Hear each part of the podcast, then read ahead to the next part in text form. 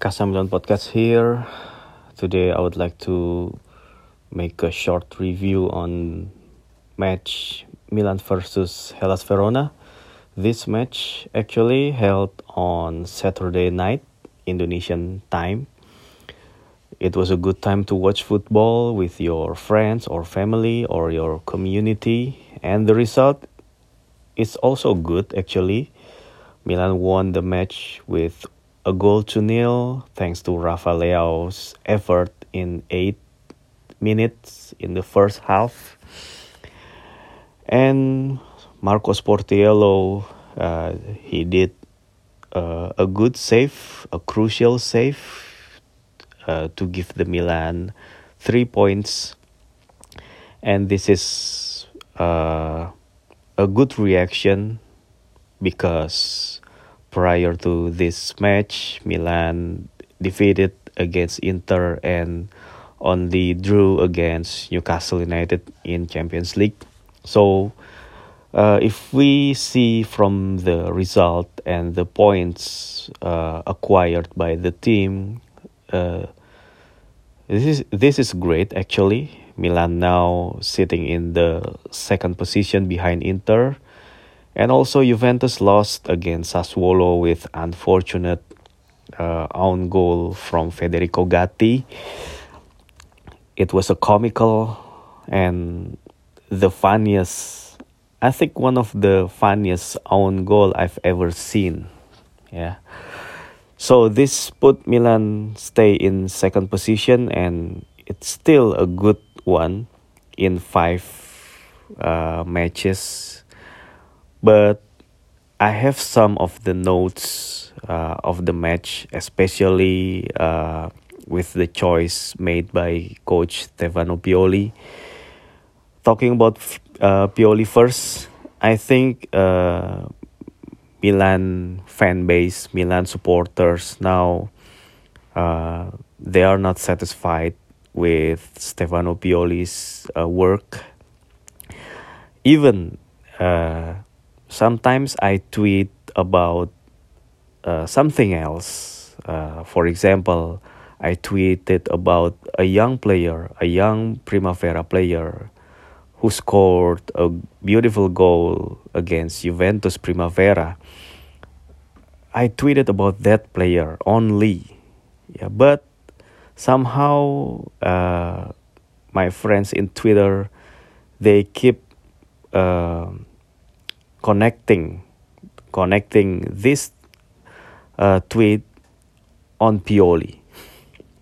Well, actually, I didn't talk about Pioli at all. So, please, if you uh, have that hatred towards Stefano Pioli, it's up to you. Yeah, but please don't mention me. Don't just uh, just tweet it on yours self or mention somebody else, please. and anyway, Hellas Verona is a good team. Actually, they played uh, quite well. Uh, contrary to what people believe that Verona is not a good team, Milan will beat them easily. Or if Milan failed to convert, if Milan failed to beat them, it's on Milan's fault. It's on Pioli's fault. Yeah, but I think that's an uh, that's not a good analysis. That's a a lazy analysis if we say that oh Verona is not a good team. Oh, it's on Milan if we fail to beat them. No, because actually, Verona is a is a solid team. Maybe they are not a good team, but they are solid yeah, from back, uh, from the defense to the midfield, but only the finisher lacking.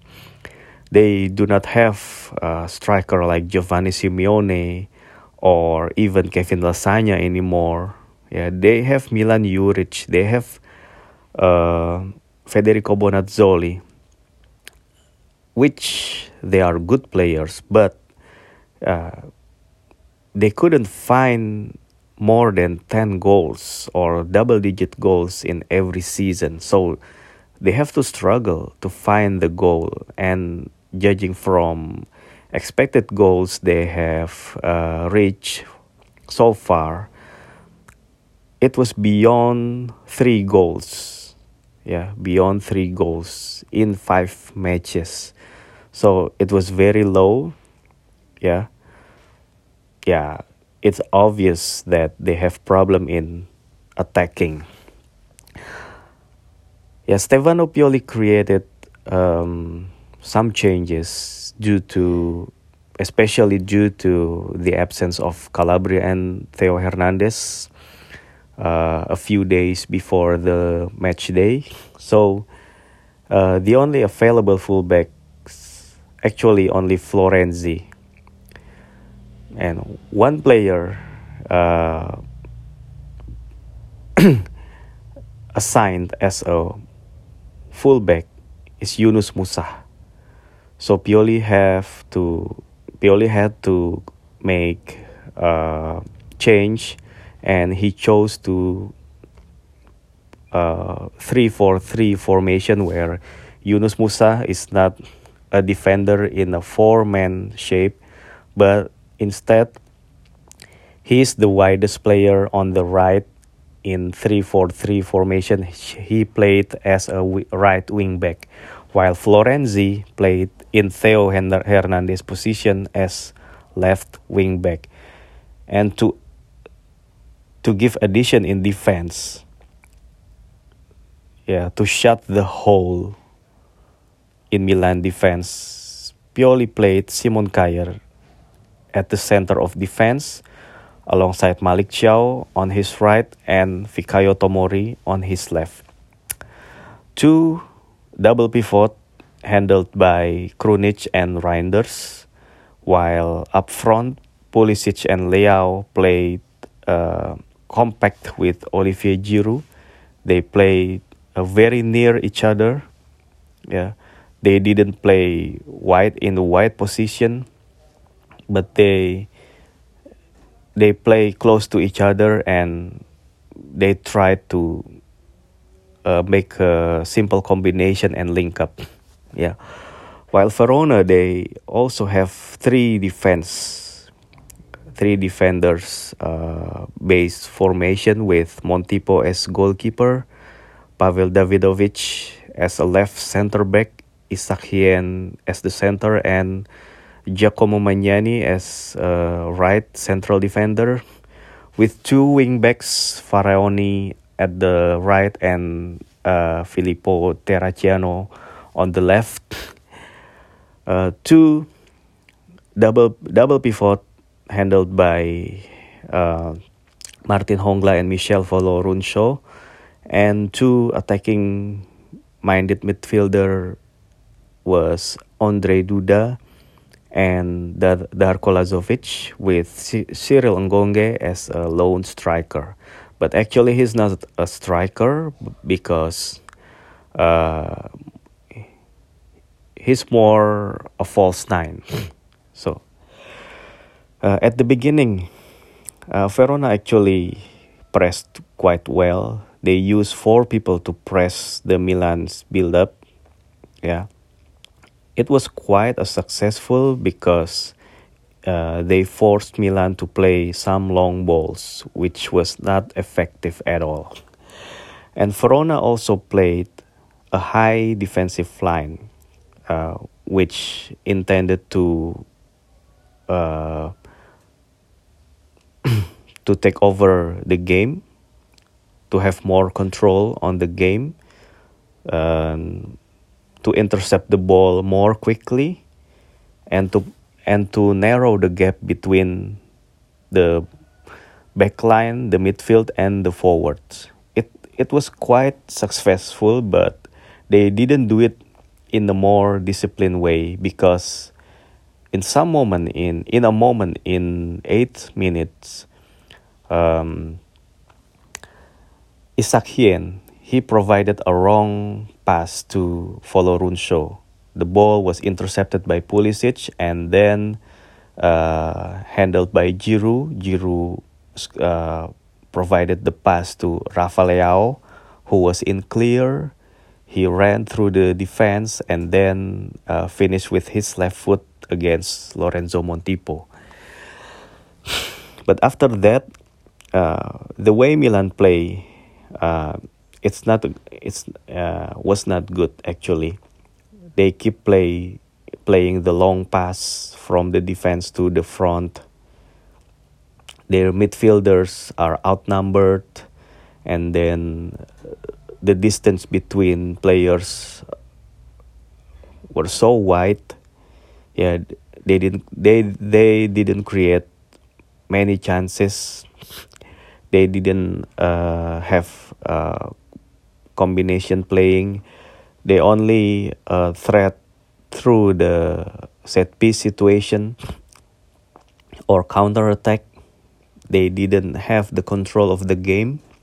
Yeah, while uh, Hellas Verona almost make an equalizer through Folorunsho. It was a good build-up, yeah, while Fikayo Tomori's uh, position, uh, Fikayo Tomori was out of position because he man marked the striker, Ngonge.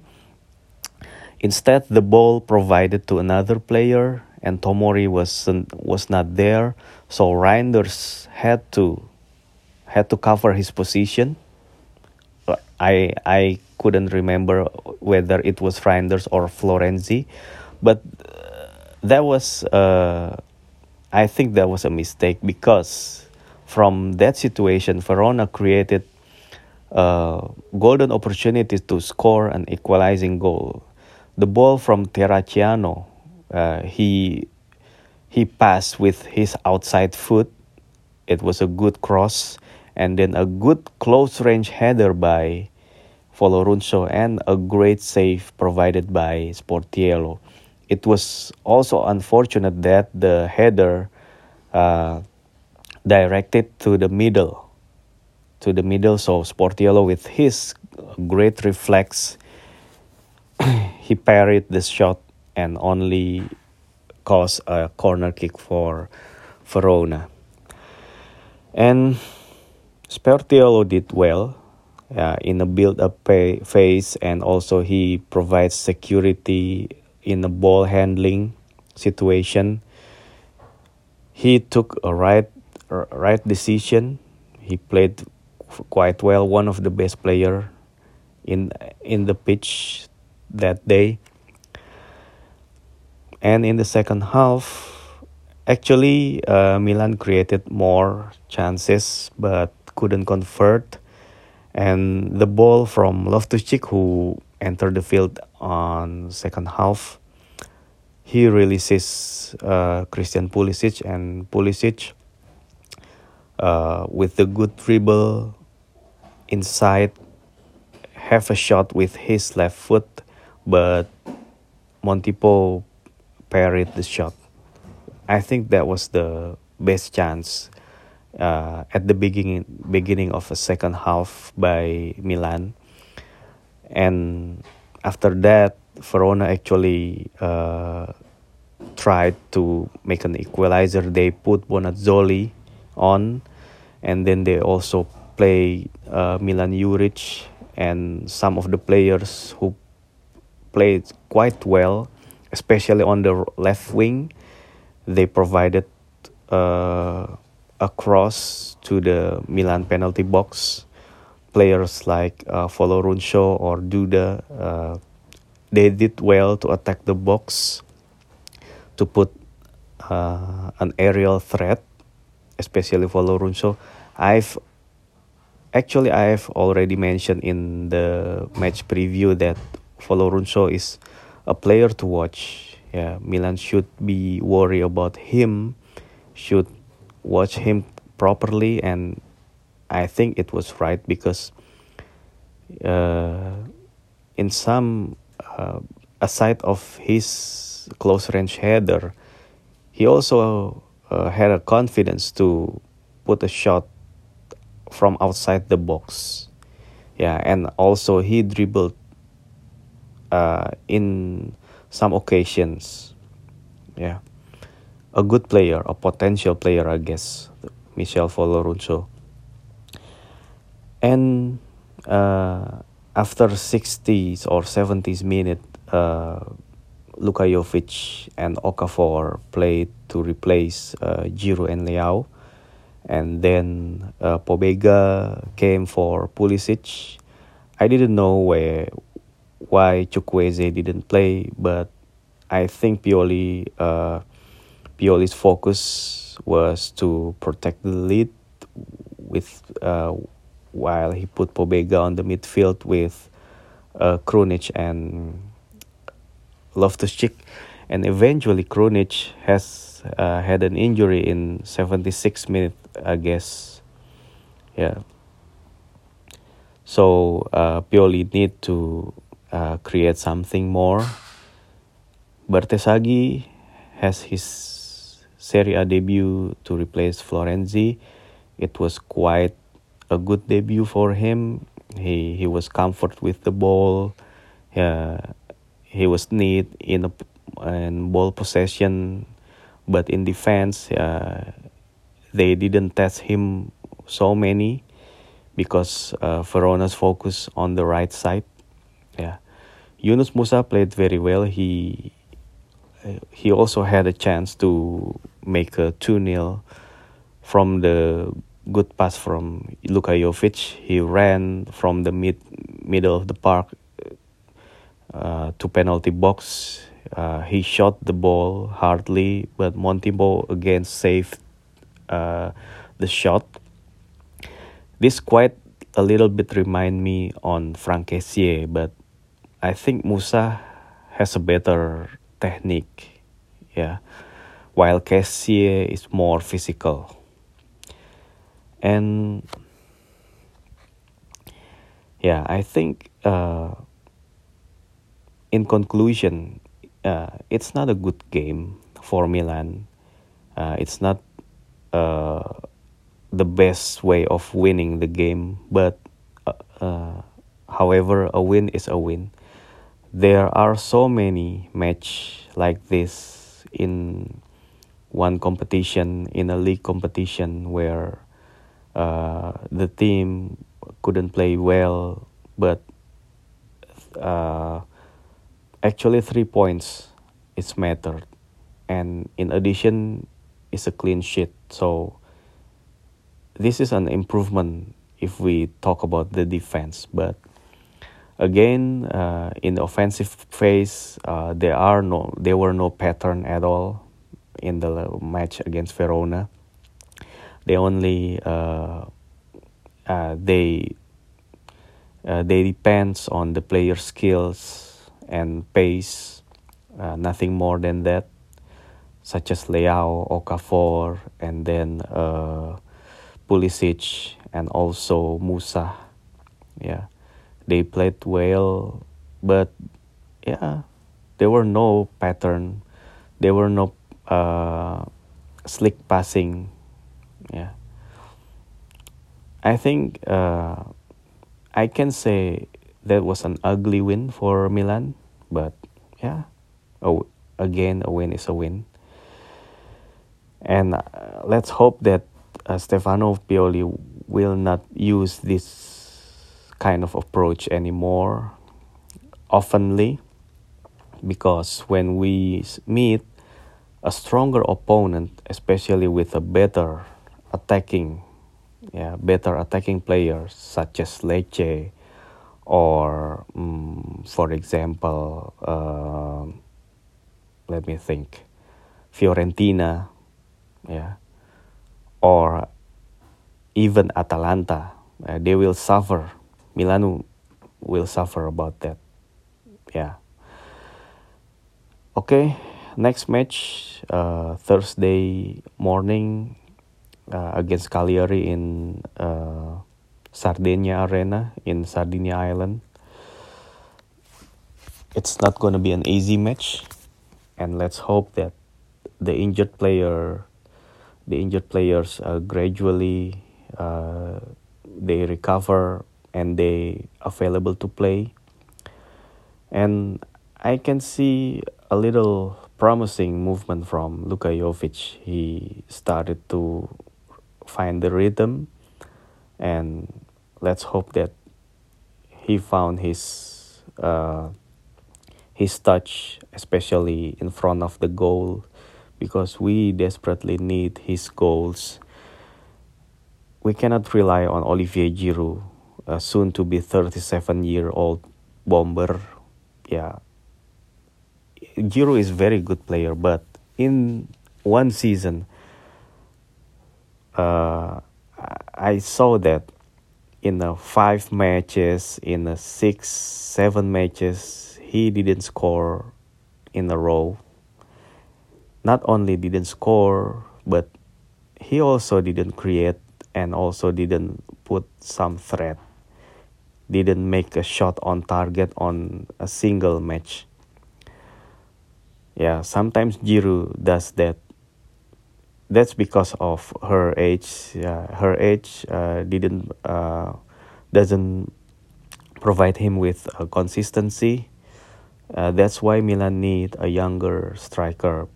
And since we only have Luka Jovic there, I hope that Pioli will provide him a chance to prove himself. And also Okafor. Actually, when he given a chance to play, Okafor played very well. He showed some uh, skills and pace and he just need the continuity. And same thing goes to Chukwueze. Yeah we need to trust him. He's a very good player actually with a good dribbling skills and a good finishing. So I think uh, Pioli should uh, provide him with a chance to prove himself as well. And also Yacine Adli with the injured injury of Krunic, I think it's hard to find any excuse not to play Adli in the next match. But if Pioli uh, somehow decided not to play him, well, I don't know. He's got uh, his own judgment, yeah, as well. Okay, I think that's all for today's review. Uh, hope in, you enjoyed and thank you for listening. Bye.